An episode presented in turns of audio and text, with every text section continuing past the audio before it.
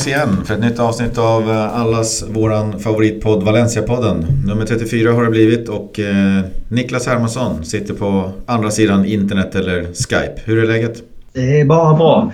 Våren har kommit med stormsteg till Skåne skulle jag säga så att eh, det känns som det är en härlig tid här just nu. Och den, den där lilla tråkiga är väl att eh, de europeiska ligorna och då framförallt kanske att den, den spanska ligan går mot sitt slut. Eh, och att det är väl ingen...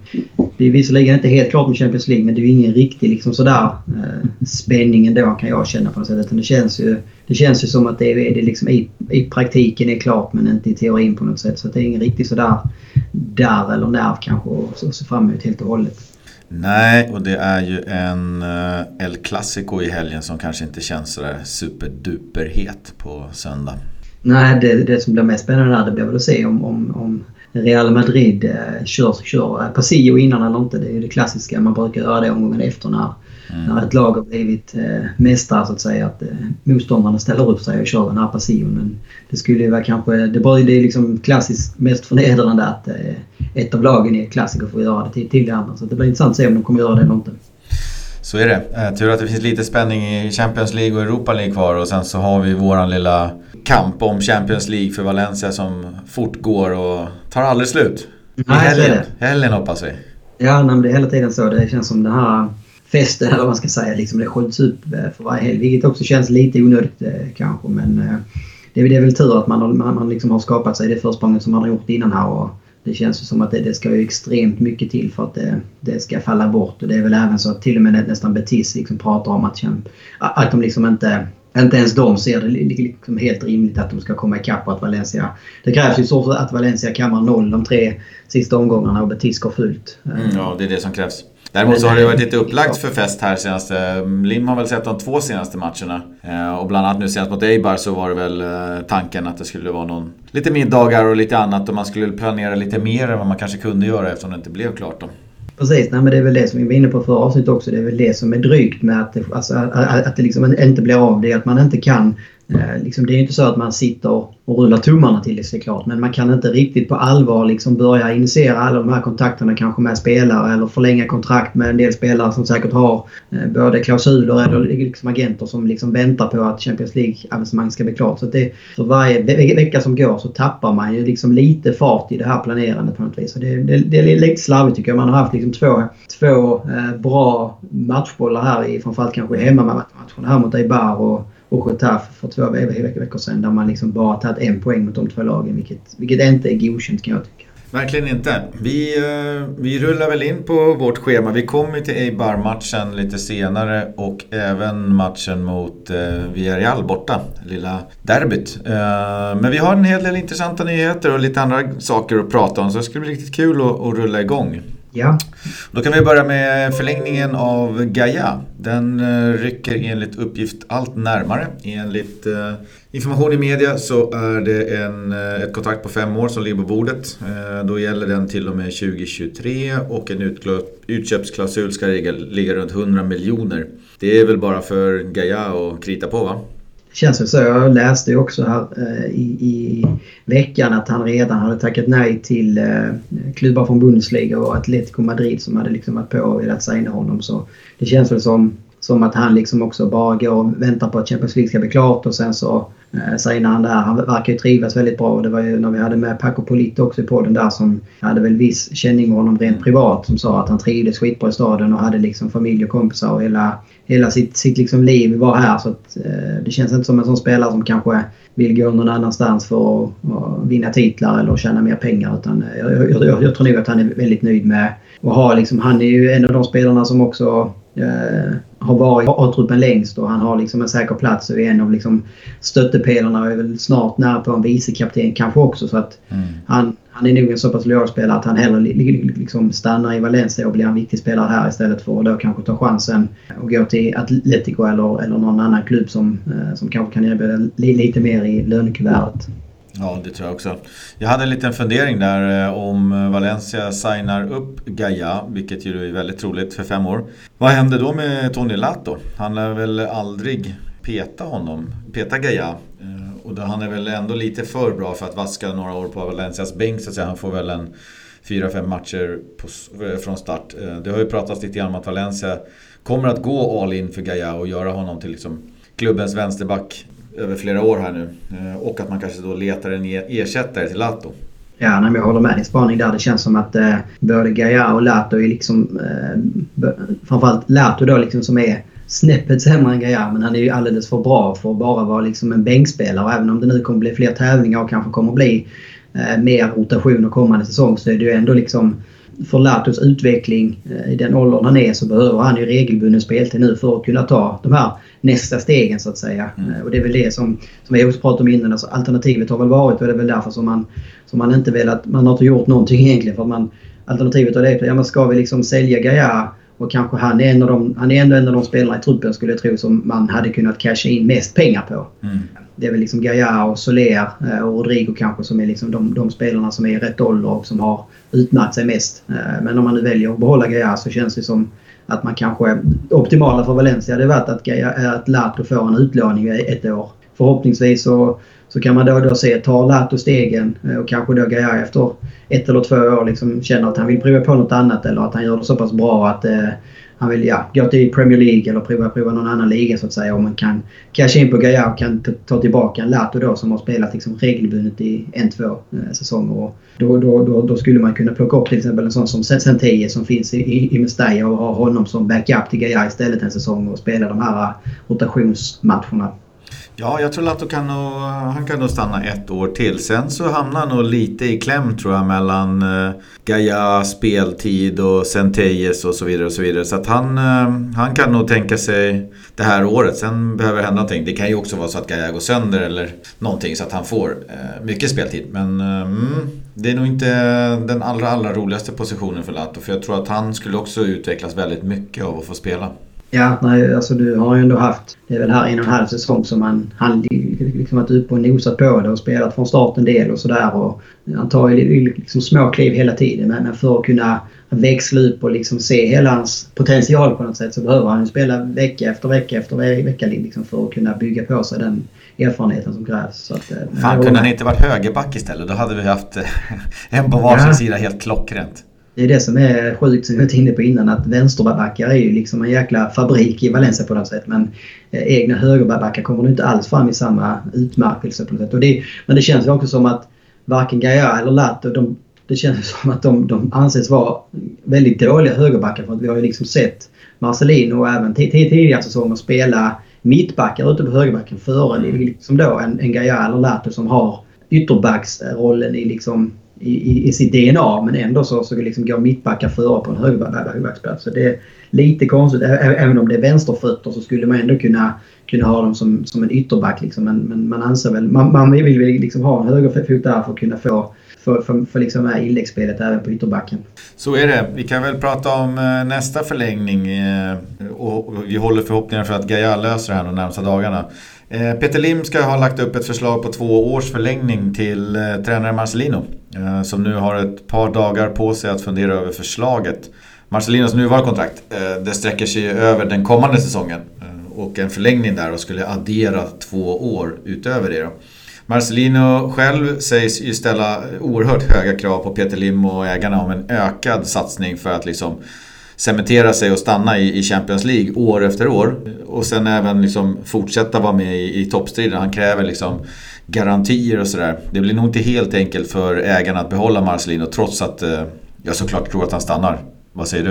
Nej men jag alltså det, det, på ett sätt så kan jag förstå eh, Marcelinos krav eller oro på något sätt. Att han vill väl inte att det ska bli som det var då för ja, vad är det, tre, fyra år sedan med Nuno. Liksom, där, där man gör en satsning en säsong. Det går väldigt bra. Man slår poängrekord. Man tar sig till Champions League. Eh, men sen så, sen så följer ju den satsningen bort på något sätt. Eh, om, om det var liksom att man att den fortsatta satsningen bara var dåliga prioriteringar eller det var liksom att Peter Lim eh, tog ett steg tillbaka och inte ville vara med på samma sätt. Det är, det är väl svårt att säga men i, i, i vilket fall så blir liksom slutresultatet blir, blir ju dåligt om man säger så. Det är, väl, det är väl det vad jag har förstått eller det som har kommit ut. Liksom. Det, det, det är de kraven som Marcelino liksom ställer att eh, vi, vi, kan inte vara nöjda med det här. Liksom, nu har vi tagit oss tillbaka till en position där Valencia hör hemma. Nu, nu liksom, nu gäller det att kämpa för att behålla denna positionen så att vi liksom inte är här och sen så kommer en mellansäsong kanske och sen är vi tillbaka igen och, och mittenplacering i två säsonger till och sen ska man då liksom börja om och börja om igen. Utan det är ju, nu har man ju momentum i klubben och man, liksom, man har ju på något, något sätt filat om hela sitt rykte också den här säsongen efter att ha haft eh, tre, fyra år där liksom jag tror inte många spelare har liksom känt att fan Valencia är en klubb som jag gärna spelar i och nu har man liksom, tror jag, fått en helt, helt annan boost på den Eh, marknadsföringen eller PR på något sätt. Marcelino sitter ju själv i en oerhört fin och mjuk sits för att förhandla. Dels så har han visat sig på styva linan nu att han, kan, han har vänt Valencia från, liksom, från askan upp till toppen. Han eh, har det på sitt CV eh, och jag tror att Valencia oerhört gärna vill förlänga med honom. Jag tror att han själv vill stanna kvar. Men han spelar nog lite hard to get här och, och, ställer med all rätt höga krav. För jag menar, skulle Valencia falla ner till en mittenposition nästa år igen så, så det svärtar ju ner Marcelinos eh, liksom CV. Han, han ser ju möjligheten att ställa krav. Jag tycker han är helt rätt. Ja, och sen å andra sidan skulle jag också säga så det är ju också lite grann upp till bevis. Och Marcelinos CV har ju också varit att han, han, har gjort den här typen av resor väldigt bra. Han har gjort det i liksom Villarreal framförallt kanske där han liksom kom till en klubb som var mitten, mittenlag eh, nära på undre halvan när han kommer dit och liksom gör dem till ett topplag i ligan och får till den förvandlingen. Men sen så fortsatte inte utvecklingen för laget, eller alltså för Marcelino där. Så det, det, och han liksom i, i Sevilla, som skulle vara ett topplag och var liksom ett ganska uttalat topplag när han kom, där lyckades han ju heller inte riktigt. Så det, det är också upp till bevis för honom att han inte bara är den här eh, turnaround-tränaren så att säga, utan också en tränare som liksom kan... Nu är det mer finkalibrering av, av liksom ett, ett, ett, ett topplag. Och det är ju det är en annan slags eh, ledarskap och filosofi på något sätt kan jag tänka mig. Så det, det blir intressant att se om, om man liksom är rätt tränare även för den fasen som Valencia är nu. För att det kändes som att man var helt perfekt tränare för ett år sedan och kom in liksom i ett helt sargat Valencia. Det behövde komma in med, liksom med, med liksom, eh, som pekar med, med rak arm och liksom pekar med hela handen och liksom ställer krav och nära på diktatorer som vi var inne på innan. Men nu, nu är det ett lite annat läge för Valencia när man liksom har tagit sig till Champions League och ska vara kvar, hålla sig kvar här nu. Ja, det blir, alltså, sen, samtidigt är det ju inte så att jag sitter och säger att jag vill se en annan tränare. För att han har gjort det så pass bra att han har liksom köpt sig han har liksom köpt sig tid i, i, i klubben och han har köpt sig liksom den chansen och möjligheten att, att, få, ja, men att få chansen att liksom slipa denna diamanten ännu mer kommande säsong. Det kan ju varit så att han, eh, han kom ju på kant i Villarreal där. Det kan ju varit så att han ställde lite liknande krav där och att eh, han krävde att det skulle vara större satsning, att de skulle ännu längre upp och, och istället för Europa League skulle de ta sikte mot Champions League kanske. Och så fick han inte riktigt som han ville och så försvann han. Ja, och sen så har det väl också varit, alltså det har ju knorrats en del att... Eh, alltså, det är ju ganska uppenbart att han är en tränare som liksom det är, det är hans sätt eller så är det liksom tack och hej på något sätt. Så att han har ju... Det, är ju alltså, det finns ju spelare, det, är väl, det känns som att han är en tränare som antingen så älskar man honom som då liksom man ser en del av de här spelarna som kommer till Valencia nu som Gabriel och, och några andra som haft honom som tränare innan som liksom säger uttalat att jag, jag, jag kommer för Marcelino är tränare i stort sett. Mm. Och sen så finns det också spelare som säkert hatar honom för att, för att han är den tränartypen han är så att säga. Så kommer man, kommer man på kant med honom eller liksom inte gillar hans ledarskapsstil. Så att eh, ett år går det väl också, liksom, det är liksom lite grann smekmånad nu. År, år två så eh, ja, det gäller liksom att han, att han hittar balansen där och inte liksom skapar någon, någon, någon slags eh, osämja i gruppen heller. Utan det känns som att man har en en, en, ändå en homogen grupp där, där många verkar trivas och det har liksom inte knorrat så mycket med spelare som inte har varit helt ordinarie utan de har liksom ändå hållit humöret uppe känns det som. Mm. Ja, vi håller tummarna för att han stannar och eh, skriver på det där kontraktet som nu har erbjudits honom enligt eh, tidningarna. Då. Vi kan väl gå vidare på nästa kapitel i Cancelo ska vi kalla det soppan? Ja. Eh, flertalet tidningar, Tribuna, VFC och Gazettan i Italien anger nu att inte kanske inte kommer ha råd att köpa loss honom innan, eh, ja om det var sista maj eller sista juni, kommer inte ihåg vad vi sagt där. Men eh, enligt samma källor så ska Valencia redan ha andra köpare på plats. De står redan i kö och eh, uppges då betala ännu mer för högerbacken. 50 miljoner sägs det. Real är väl en av de som det snackas om och min förhoppning är väl bara att eh, det här inte utvecklar sig till att bli någon huvudvärk för Valencia. Ja, nej men det är väl lite grann som vi pratade om senast också. Jag tror liksom så länge Cancelo, precis som du säger, inte liksom skadar sig eller det händer något, något radikalt så känns som Valencia sitter i en ganska så bra sits här. Eh, man har liksom Inter, det finns ett fast pris. Får man det, ja men det är, liksom, det är helt okej okay, för att jag tror det är väl det som man liksom har någonstans budgeterat med.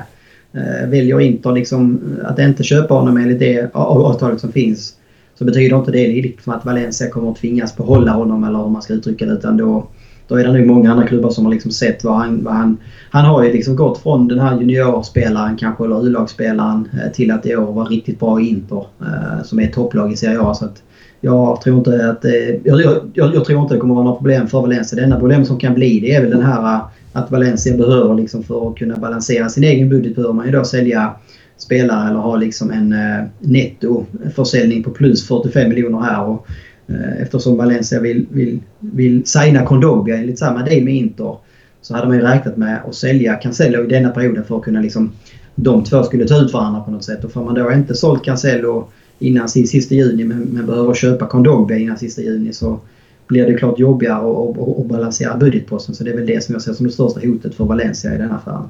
Ja men det är lite det jag kände att eh, ja, dels om man skadar sig så är det jättejobbigt.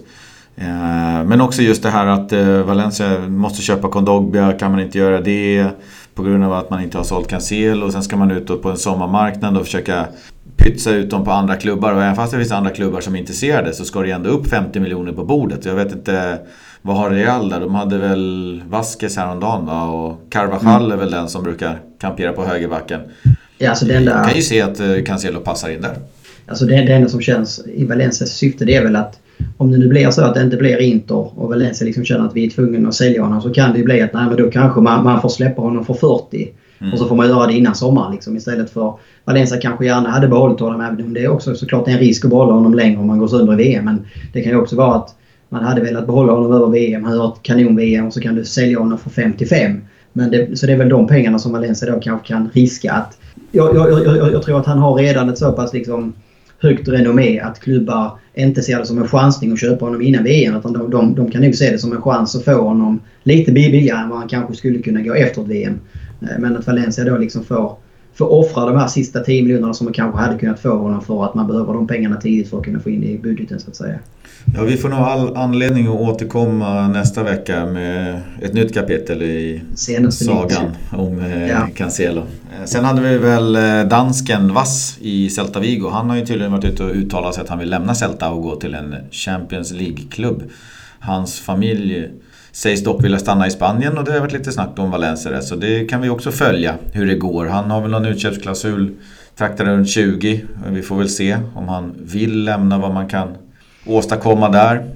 Precis, nej men det känns väl som en, eh, alltså, som en truppspelare. Alltså, det är ju ingen, det är ingen spelare som Valencia tar in för att liksom spetsa en, en, en, en trupp som ska liksom kriga topp tre i ligan och spela Champions League. Utan det är väl en, en, liksom en helt, helt okej okay truppspelare skulle jag säga. Han har en bra fot. Eh, han är ju väldigt det känns som han är ganska så lik en eh, Carlos Soler till exempel som kan spela på, på yttern men han kan också spela inom ett fältare. Men jag ser ju inte att han går in och konkurrerar ut någon av de spelarna vi har där idag egentligen. Så att det är väl, ja, alltså kommer han så är det väl en, säkert en, en okej truppspelare. Jag tror också att han skulle kanske också köpa en sån roll så att säga i truppen och det, det kan ju också vara viktigt. Det, det, det kan ju vara svårt att hitta de här truppspelarna som liksom accepterar den rollen på något sätt. Som, som, en, ja, som haft en Parera i år som kanske inte helt och hållet har accepterat och liksom inte var första valet och kanske framförallt inte skulle acceptera att sitta i samma sits i en säsong till.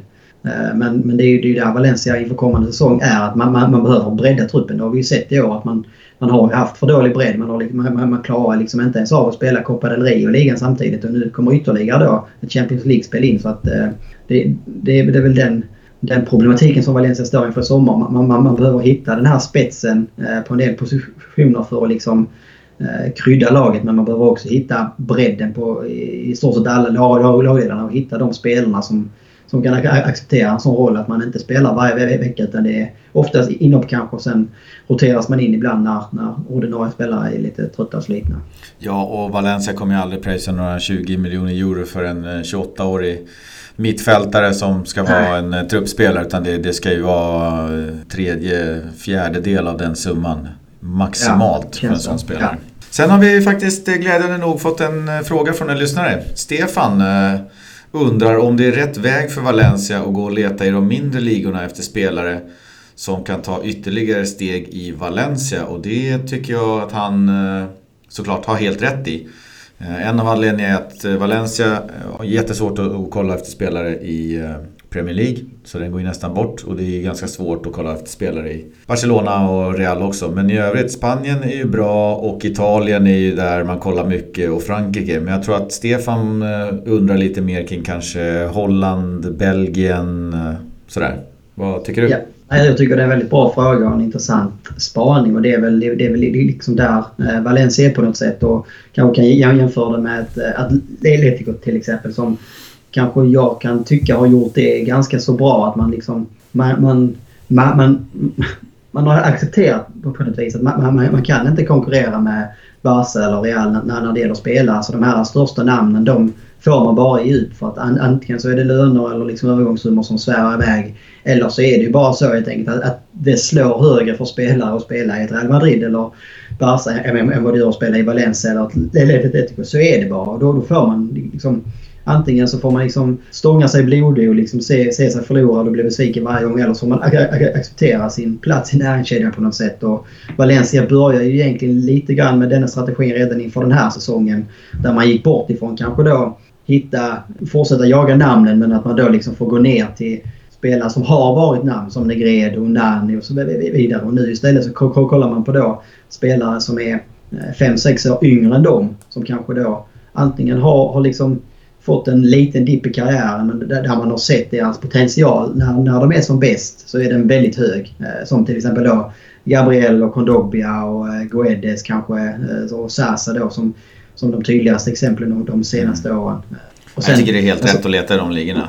Jag håller med. Alltså, jag, jag, tror den största utmaningen är väl att Alltså just med, med, liksom, med rätt och bra scouting på något sätt. Det behöver ju ha någon som är expert på de här holländska, belgiska, franska ligan kanske och tyska också för den delen och kolla liksom i lagen bakom de allra största. Det är väl, liksom, det är väl egentligen samma, det är väl bara Premier League som går bort där lönerna även liksom på undre halvan i Premier League är, är ju säkerligen betydligt högre snittlöner än vad det är i Valencia. Men, men kolla, kolla i Serie A eller kolla i, liksom, i La Liga på lagen eh, plats liksom 5-10 och kolla liksom toppspelarna i de lagen.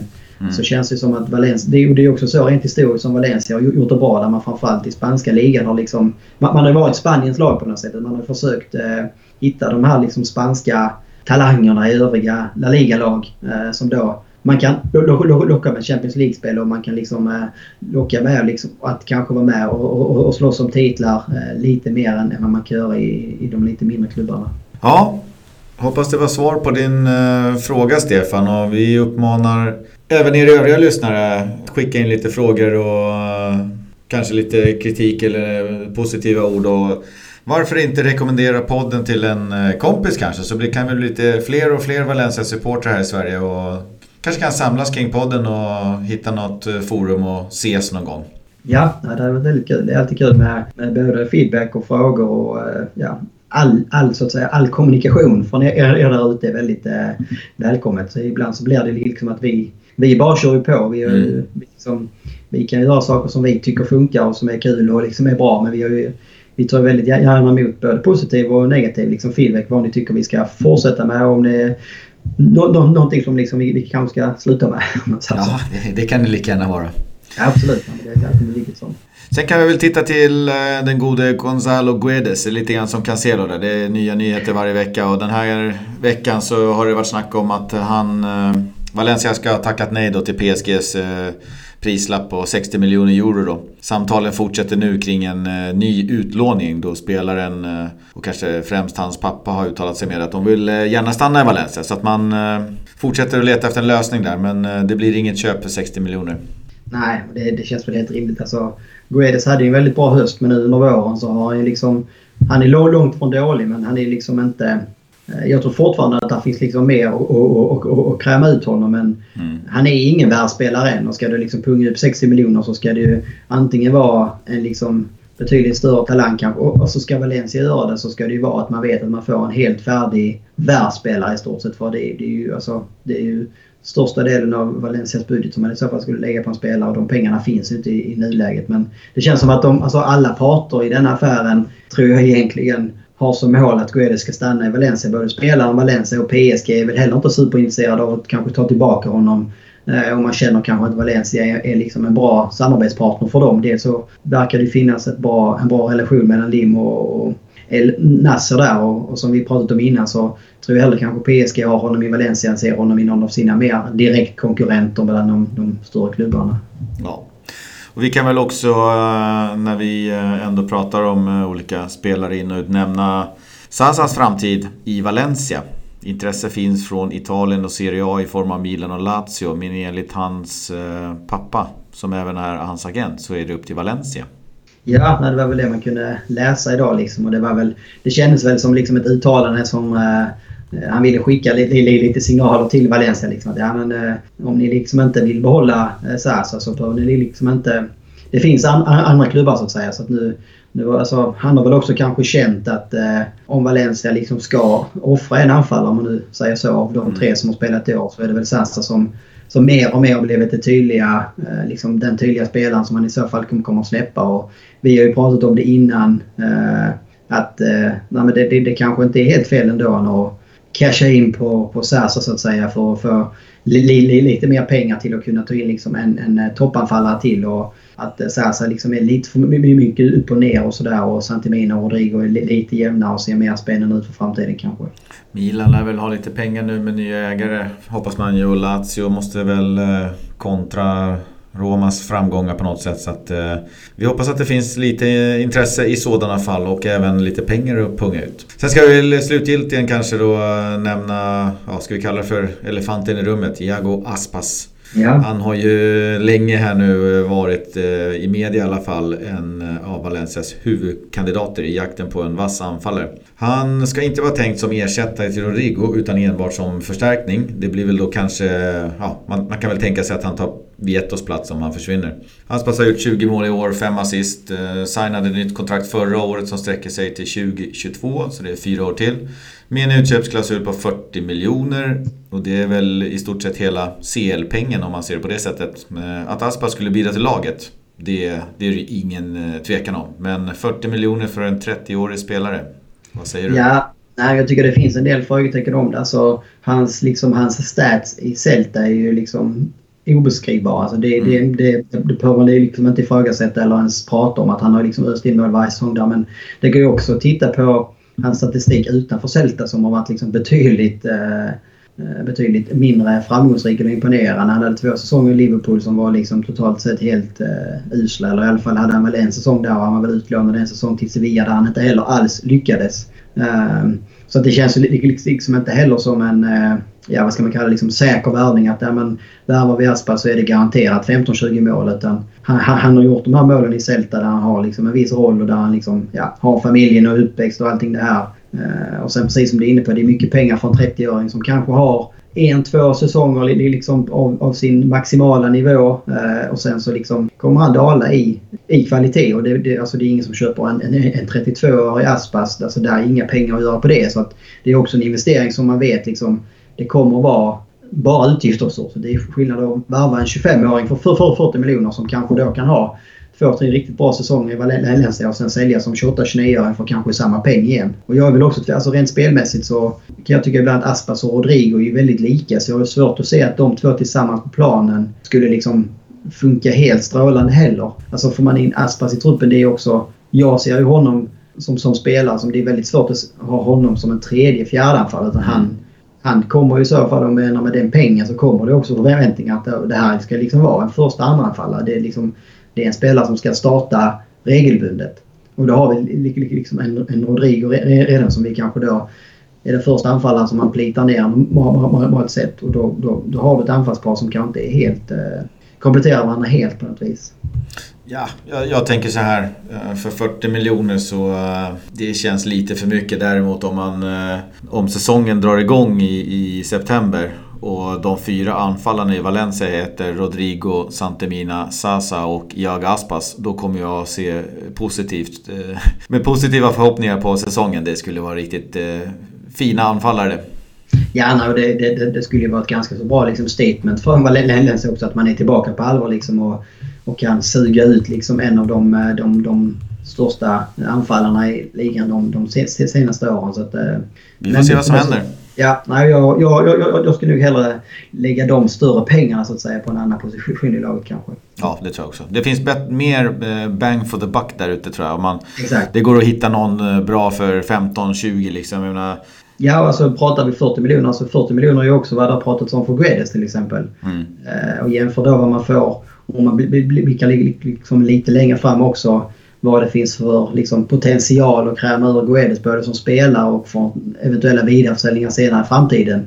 Eh, så är 40 miljoner i Guedes en betydligt bättre eh, investering både rent ekonomiskt och fotbollsmässigt skulle jag säga. Mm. Ska vi runda av vårt lilla nyhetssvep med att tröjsponsor har vi haft uppe innan. Eh, det har blivit hetare och hetare debatt, eller debatt kan man väl kanske inte säga, men snack om det nere i, Valencia och det ser allt mer ut nu som, som det kommer att bli Puma så att säga. Och mm. att man då kommer att gå Eh, all in för Valencia faktiskt för att det ska bli eh, deras klubb i Spanien. Eh, man har väl man har ju liksom ett lag som man satsar på i de större ligorna. Man har Arsenal i Premier League och Dortmund i Bundesliga Men det är väl Milan framförallt som man då har signat här nu också under året i Italien.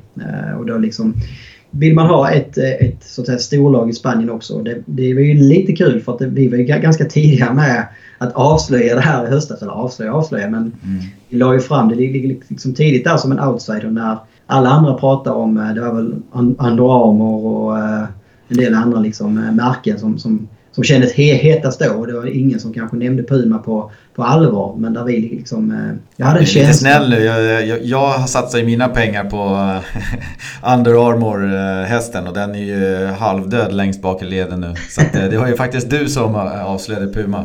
Ja men jag hade en känsla. Jag hade väl li, lite ingångar har jag väl också på Puma ska jag väl eh, kanske avslöja. Jag, jag, jag känner nu. Men det kändes som eh, precis i vevan som man signade Milan där och man liksom mm. tydligt gick ut och sa att man skulle satsa mer på fotboll och man ville ha liksom mer profilerade klubbar. Och så kändes det som alltså det som Milan har gjort i Italien är ungefär samma som Valencia har gjort i Spanien på något sätt. Alltså det är den här vilande storklubben som haft det tufft några år men nu liksom är på något, något sätt på väg tillbaka. Och det är väl det också som, som liksom Puma kan se att man, man liksom kan få mycket för pengarna eh, på något sätt de, de närmaste åren. Så det, det, blir intressant att se när, när deras tröja kommer. Men vi kan väl också liksom bara säga att det, det, det är fortfarande en säsong till med Adidas och det kommer ju bli Adidas som liksom kör den här jubileumströjan eh, kommande säsong. 100-års-jubileumströjan. Just det. Men då så, vi rullar en liten jingel och så kliver vi på nersnack av Eibar-matchen. Yes, Valencia Eibar 0-0. Det här var ingen rolig historia. En intetsägande match av Valencia kan jag tycka som inte fick, fick hål på ett eh, ganska välkomponerat Eibar. Eh, en poäng är ju alltid en poäng men man måste snart hitta en taktik för att slå dem här eller någonting man kan använda sig av mot de här eh, smålagen som, uh, ja, inte parkerar bussen, men de, de kör ett hårt fysiskt uh, spelförstörande spel. Så jag tycker det, ja. det, det börjar bli dags att hitta någonting nu. Ja, nej, men då har vi haft både i Barkut här för båda, så det är fyra matcher här nu. Om Marcelino, liksom, om, om han blev förvånad i höstas så kanske man liksom kan köpa det att det, liksom, då, då kommer de med en taktik som de hade sett Valencia flyga fram under hösten och nu hittar man liksom något botemedel. Så därför kan, kan det liksom han, liksom Valencia blivit föga förvånade nu att man ställer upp med samma taktik när man kommer till Mestalla. Men ändå så känns det som att man har ingen plan B på något sätt och man har liksom inget eh, överraskningsmoment utan det är, det är på något sätt samma taktik som man kör och sen så har, har man... Förvisso kan man då å andra sidan säga att man, man har tålamod och trygghet i det och man liksom försöker trampa runt det och försöker liksom att eh, ha tro på det och att det liksom ska ge utdelning. Men ibland så hade det ju varit kanske friskt att se någon, någon slags eh, chansning på något sätt även i de här matcherna. Vi ser ju det ibland mot storlagen att man chansar med en, eh, ja, alltifrån en Coquelin som högerback till att man har liksom två ytterbackar på kanten och sådana här så, saker. Men just mot de här smålagen så känns det som det blir lite för passivt på något sätt. Att när, när plan A inte funkar så finns ingen plan B utan plan B är plan A2 på något sätt. Och det är för många spelare, tycker jag, som här under de sista omgångarna när när det kanske då i praktiken har varit mer, mindre klart med CL. Känns som de har blivit lite bekväma. Alltså ledande spelare som kanske Guedes tycker jag som inte alls får ut någonting mer. Och tycker Parejo har inte alls eh, lett laget på det, det sättet som man kanske hade hoppats i de här lite eh, ja, men när, när det blir de här stängda matcherna så hade man ju hoppats att hans passningsspel och hans liksom, eh, driv på planen på något sätt skulle kunna luckra upp det. Men ja, det blir inte riktigt, får inte riktigt till det känns som. Nej, det, det fanns ju lägen att avgöra. Jag kan tycka att om man kollar på Kondogbia och Rodrigo så tycker jag att de gör väldigt stabila insatser. Och man ska kunna vinna en sån här match på något sätt ändå med de chanser som finns. Men när de inte sitter så, så speglar ju det lite synen man har på hela matchen. Att det var mycket som var dåligt och krampaktigt och så vidare. Men eh, hade Rodrigo satt eh, en av de där fina han avslutade från lite längre avstånd nu tyckte jag ett par gånger. Mm, Om en av dem hade suttit så hade man ju varit eh, överlycklig. Och... Ja, nej, men så är det. Det är små marginaler. Men det, det, som syns på Rodrigo är väl att det, alltså det är väldigt tydlig skillnad när han, har, när han har det här lilla självförtroendet på något sätt. Och som nu, nu då, alltså jag skulle inte säga att han är ur form eller att han liksom inte har självförtroende alls. Men han är inte inne i den där zonen på något sätt där han bara kliver på och drar till och, och liksom har den känslan i kroppen när han börjar gå. Alltså det går liksom på ryggmärgen på något sätt. Utan nu, det är lite mer krampartat. Han liksom tar avsluten lite för tidigt i bra lägen och, och liksom får inte alls till, till skotten på samma sätt. Det var liksom flera avslut som han hade kunnat ta ett steg till och kanske titta upp och, och, och liksom vara lite mer eh, distinkt i avslutet. Det blir lite för enkla avslut emellanåt. Och någon som jag tycker ändå är lite mer inne i zonen än vad man tänker är ju Sasa som har motvind nu. Alltså det är ju felaktigt bortdömt offside-mål här nu mot Eibar och det var ett till för något veck någon vecka sedan när han fick en pass av Soler. Man tänker ja, att han inte har gjort mål på evigheter men eh, nej, det, det blåser motvind rakt i ansiktet på honom. Ja, det känns som att eh, han, alltså det har man ju sett på honom tidigare också när han liksom kommer in i sina svackor. Han behöver ju ofta bara göra ett eller två mål och sen liksom hittar han tillbaka till zonen och sen så som vi såg i höstas när han väl kommer in i den så gör han liksom helt plötsligt mål på allt och, och, och sådär. Så det är lite synd både för honom själv såklart men även för Valencia att man inte har fått igång eh, Sasa igen. För att han är ju, han har ju något på något sätt eh, Alltså när, när han är inne i, i form och i zonen så är han ju en sån där klassisk anfallare som nosar upp lägen. Alltså det är ju, mm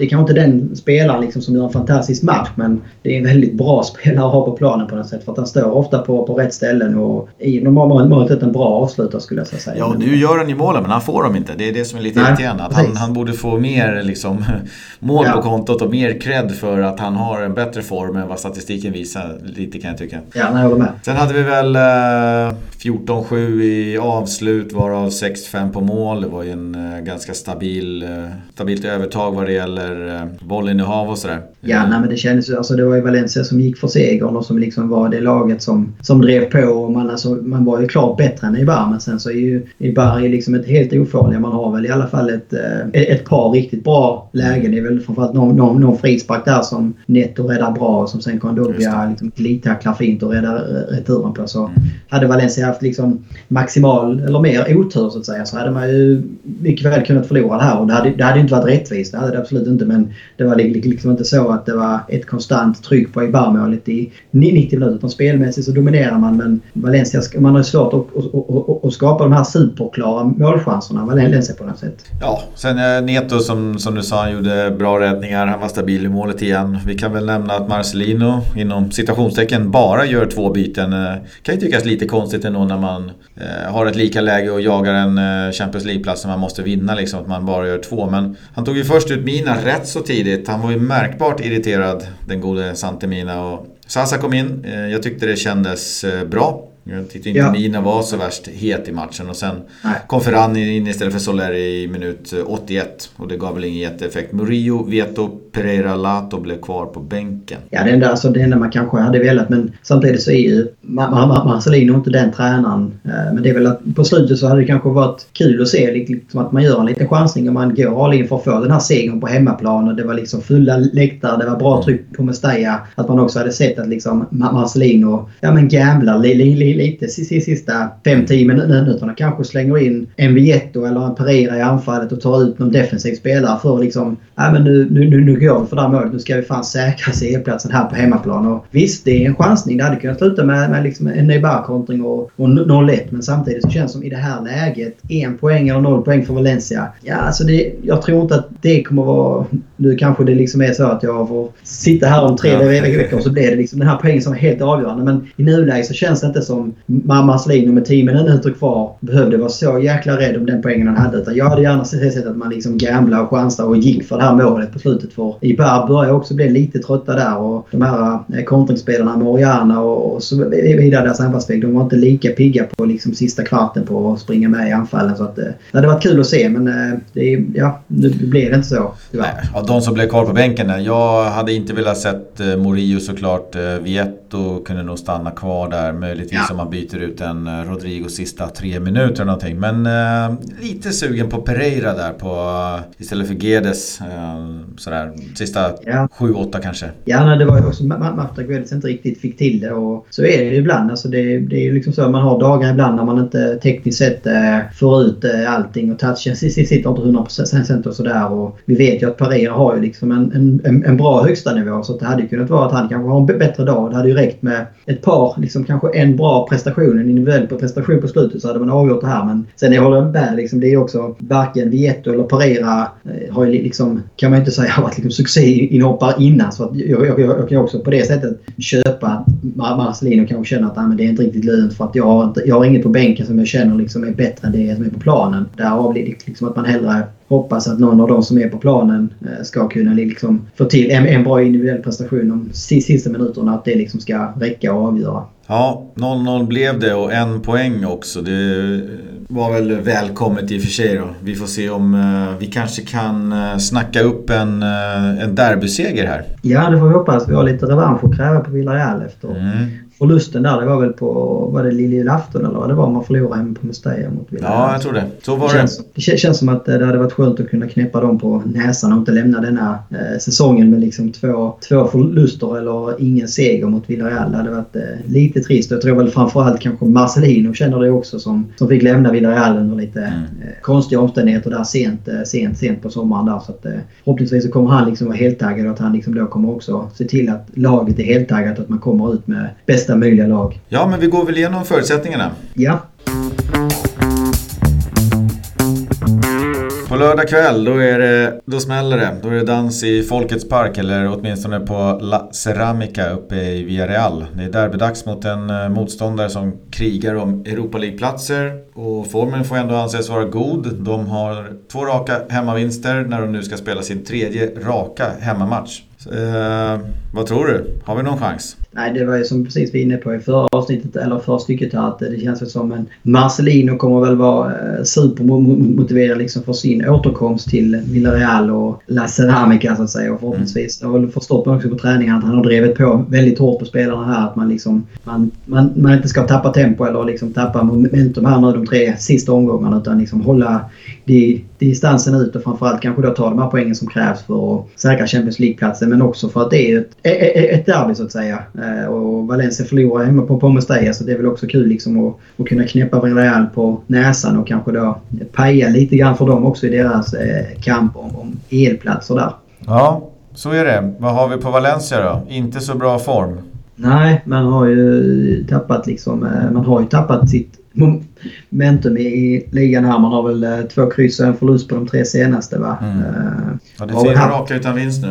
Ja, eh, och det, alltså, nu kollar man på Valencia, det är Betis då som är den enda konkurrenten om, om, om CD-platsen. Då har ju de två ganska tuffa omgångarna här. Man möter, som vi var inne på innan, Bilbao på borta tidigare på lördagskvällen där. Så att när Valencia går ut mot Villarreal så kan det ju vara klart. Eh, och skulle Betis vinna där, ja då är det, då är det liksom lite press på Valencia inför derbyt. Och kollar man på Betis kommande omgång så åker ju Betis ska då spela Sevilla-derby mot ett eh, Sevilla som, som har liksom till och med har tappat sin Europa League-plats här, här nu i, i, i ligaspelet. Och mm.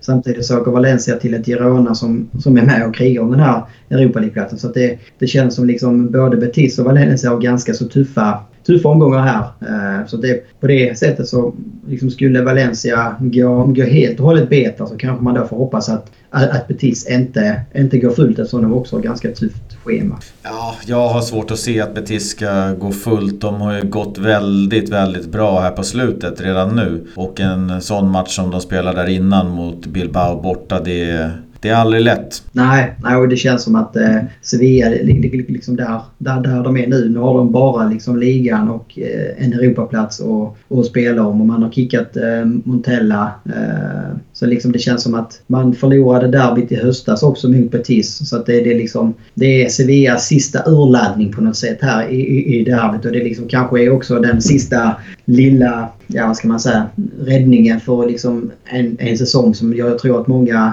Sevilla-fans känner är riktigt misslyckad. Man kommer inte ta en Champions League-plats. Eh, man, man, man förlorar Copa del Rey-finalen. Eh, man gick ju liksom... Man, åkte ut i Champions League. Även om man slog ut United och det liksom var positivt så åkte man ju ut ganska så enkelt i, i liksom, eh, omgången efter. Och, och liksom nu kanske man knappt ens får en Europa-plats i ligan. Så det enda som kanske då kan göra att fansen kan liksom avsluta säsongen på ett bra sätt det, det, det skulle väl vara om att föra dit Betis i derbyt och säga och kan på det sättet förstöra Betis chanser att nå Champions League-spel. Ja, vi håller ett öga på Betis, eller Bilbao Betis lite tidigare på lördagen och sen så hoppas vi att vi om inte de lyckas eh, försegla Champions League-deltagande för Valencia så att eh, Valencia ändå kan få vinna ett derby där borta. Det har ju varit tufft. Jag vet att VRL Villarreal har en klar fördel där på hemmaplan. Nio segrar, fyra kryss och fyra Valencia-segrar så det kan bli svårt. Vi har ju Garay tillbaks också. Ja, nej, men det är väl positivt där att det känns som Valencia kommer liksom här men i stort sett eh, skadefri och liksom eh, frisk och helt trupp utan av, avstängningar. Det är ju bara de här långtidsskadorna så att säga som, som, som stör så att det, det finns inget där att skylla på. Eh, vi har en del, del, spelare som kanske också då svikit lite på slutet eh, som kanske också vill visa upp sig en eh, liksom, sista gången under säsongen och en del fortfarande som kanske som slåss och liksom krigar om, om en eventuell eh, VM-plats eh, som också vill ta tillvara på de här tre sista omgångarna och liksom visa att man har en fin form och att man bör vara med i, i sommarens VM-spel. Så att, eh, det finns många, många saker som liksom på förhand talar för Valencia på något sätt. Att motivationen absolut borde finnas där. Eh, samtidigt så möter man ju då både ett historiskt bra Villarreal på hemmaplan och också ett Villarreal som kommer till derbyt med betydligt bättre form än Valencia gör. Så det, det, det, känns som det är en väldigt öppen historia som kan gå kanske hur som helst. Och det gäller väl för Valencia också att se upp för en viss Carlos Bacca som avgjorde mm. där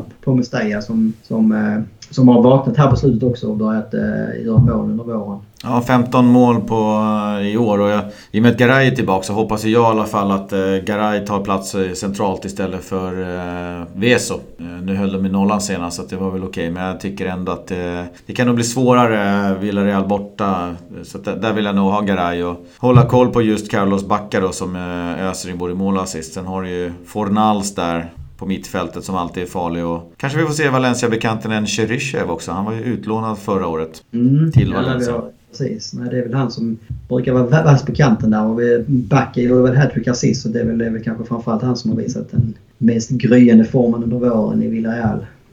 Ja, och kollar man på tabellen där så är ju Villarreal är ju betydligt vassare på hemmaplan. Gjort 32 eh, av sina 49 står det va? Eh, mm. Mål på hemmaplan och tagit 10 segrar på 17 försök. Så det, det vill till att det är en bra insats. Och som sagt, eh, tror du Marcelino kan ha någon hjälp av att han känner klubben, arenan? Vissa spelare? Ja, vet, ja nej, men alltså det är väl... Eh, det lyckades inte särskilt bra i första derbyt här om man säger så. Eh, och det är väl, det är väl liksom samma... Det blir väl på något sätt tudelat det där. För å ena sidan så borde väl Marcelino förför det där. Å andra sidan så kanske då många Villarreal vet hur Marcelino tänker om man säger så. Eh, så det kanske tar ut varandra på något sätt. Men, och det är liksom det är, det är två lag som slåss på, på sina fronter. Jag tror Villarreal kan väl också vid seger kanske nästan i stort sett säkra en Europa League-plats. Mm. Och Valencia kan då säkra en Champions League-plats. Så att, eh, motivationen kommer säkerligen vara 110% hos båda lagen och det är då lägg på att det är ett derby liksom. Så att eh, det känns liksom dagsformen kommer att avgöra det här och det kommer nog vara individuella prestationer som kommer liksom eh, till sist bli tunga på vågen känns det som. Så kommer det bli. Jag tycker att vi eh, raskt kilar vidare och konstaterar att eh, det blev inga poäng i våran scorecast. Nej, vi är inte bra på det här alltså. 4-0 och 3-0 hade vi. Rodrigo körde jag på, du körde Santemina. Ja, ja Rodrigo blev hyfsat nära. Men... Lite för positiva där om mm. Valencias chans. Jag trodde väl att man liksom skulle mer gå ut och, och, och avgöra den här Champions League-platsen på något sätt och, och säkra det och kunna spela ut på hemmaplan. Ja, jag måste ju komma ikapp dig på det här tipset på något vänster. Ska du börja då? Ja, jag är ju som alltid eh, positiv och eh, envis in i döden höll jag på att säga. Så att, eh, jag tror att man liksom kommer ta den revanschen som krävs. Jag tror att eh, jag, jag, jag, tror samtidigt att Betis kommer att tappa poäng mot, mot Bilbao. Men jag tror att det kommer att gynna Valencia på något sätt snarare än att det liksom blir att man slappnar av. Så den här avslappningen som man kan gå ut i derbyt med kommer att göra att man vinner med 2-0. Seger nummer 36 tippas ja. här med 2-0. Och vem sparkar in första? Rodrigo som liksom jagar VM-platsen. Rodrigo. Jag eh, måste ju tänka lite annorlunda om jag ska komma ikapp. Jag tar 1-1 och sen så kör vi på...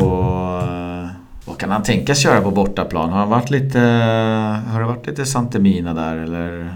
Mm. Är det, är det Packa som jag är? jag skulle tippa på det. Jag kör på Parejo tänkte precis på det också. Du brukar ha honom eller du har haft honom flera gånger. Det var länge sedan jag gjorde mål nu på någon. Länge sedan det blev någon straff eller uh, bra frisparksläge. Mm. Det kan mm. vara dags för honom också kanske att växla upp här om man vill. Uh, det känns väl som att det är, det är väl promillechanser kanske att han ska komma med i VM-truppen. Men uh, det är klart att det gör han tre riktigt bra avslutande omgångar i ligan och kanske kryddar det med någon frisparks eller straffmål och sådär så, så ställer han ju i alla fall frågor till förbundskaptenen. Jag hoppas att han gör 1-0 och att det kanske blir 2-0 via Rodrigo då. Ja. Nej, då vinner du den här. Det spelar ingen roll. Hoppas eh, Valencia kvalificerar sig i alla fall. Vi börjar väl eh, runda av lite smått där. Härlig pratstund nu. Jag tror att vi varit lite längre än vanligt men så får det bli. Det var lite spännande nyheter i början där och tackar Stefan återigen för att han skickade in en liten eh, fråga till oss. Fortsätt gärna med det. Vi finns på alla vanliga ställen. Och vi rundar väl av med ett litet hasta luego. Hasta luego.